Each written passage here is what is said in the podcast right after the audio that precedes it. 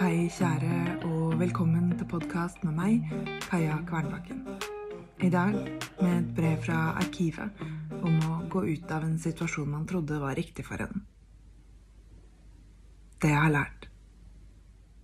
Igjen lukker jeg døra. Dette er ikke for meg. Ikke dette heller. Og jeg trodde jeg skulle føle lettelse.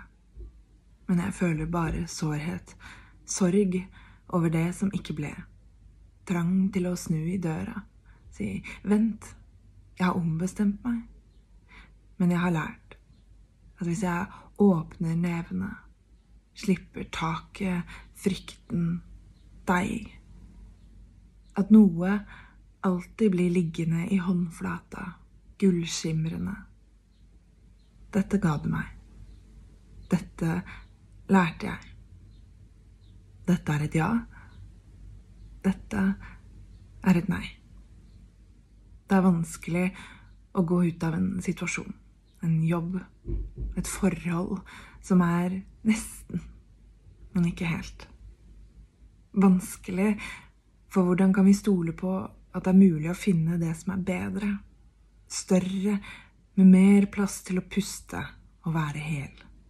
Hvordan kan vi vite at det ikke ville ha blitt bedre dersom vi bare ble i situasjonen litt lenger.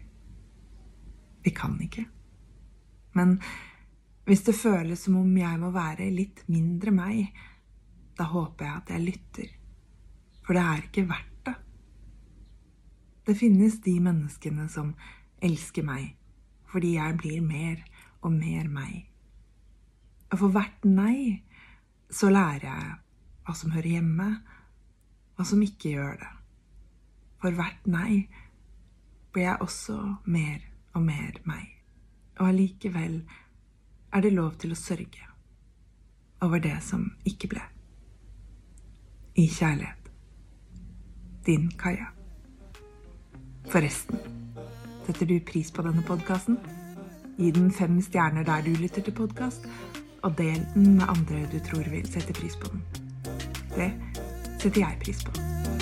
Vi høres.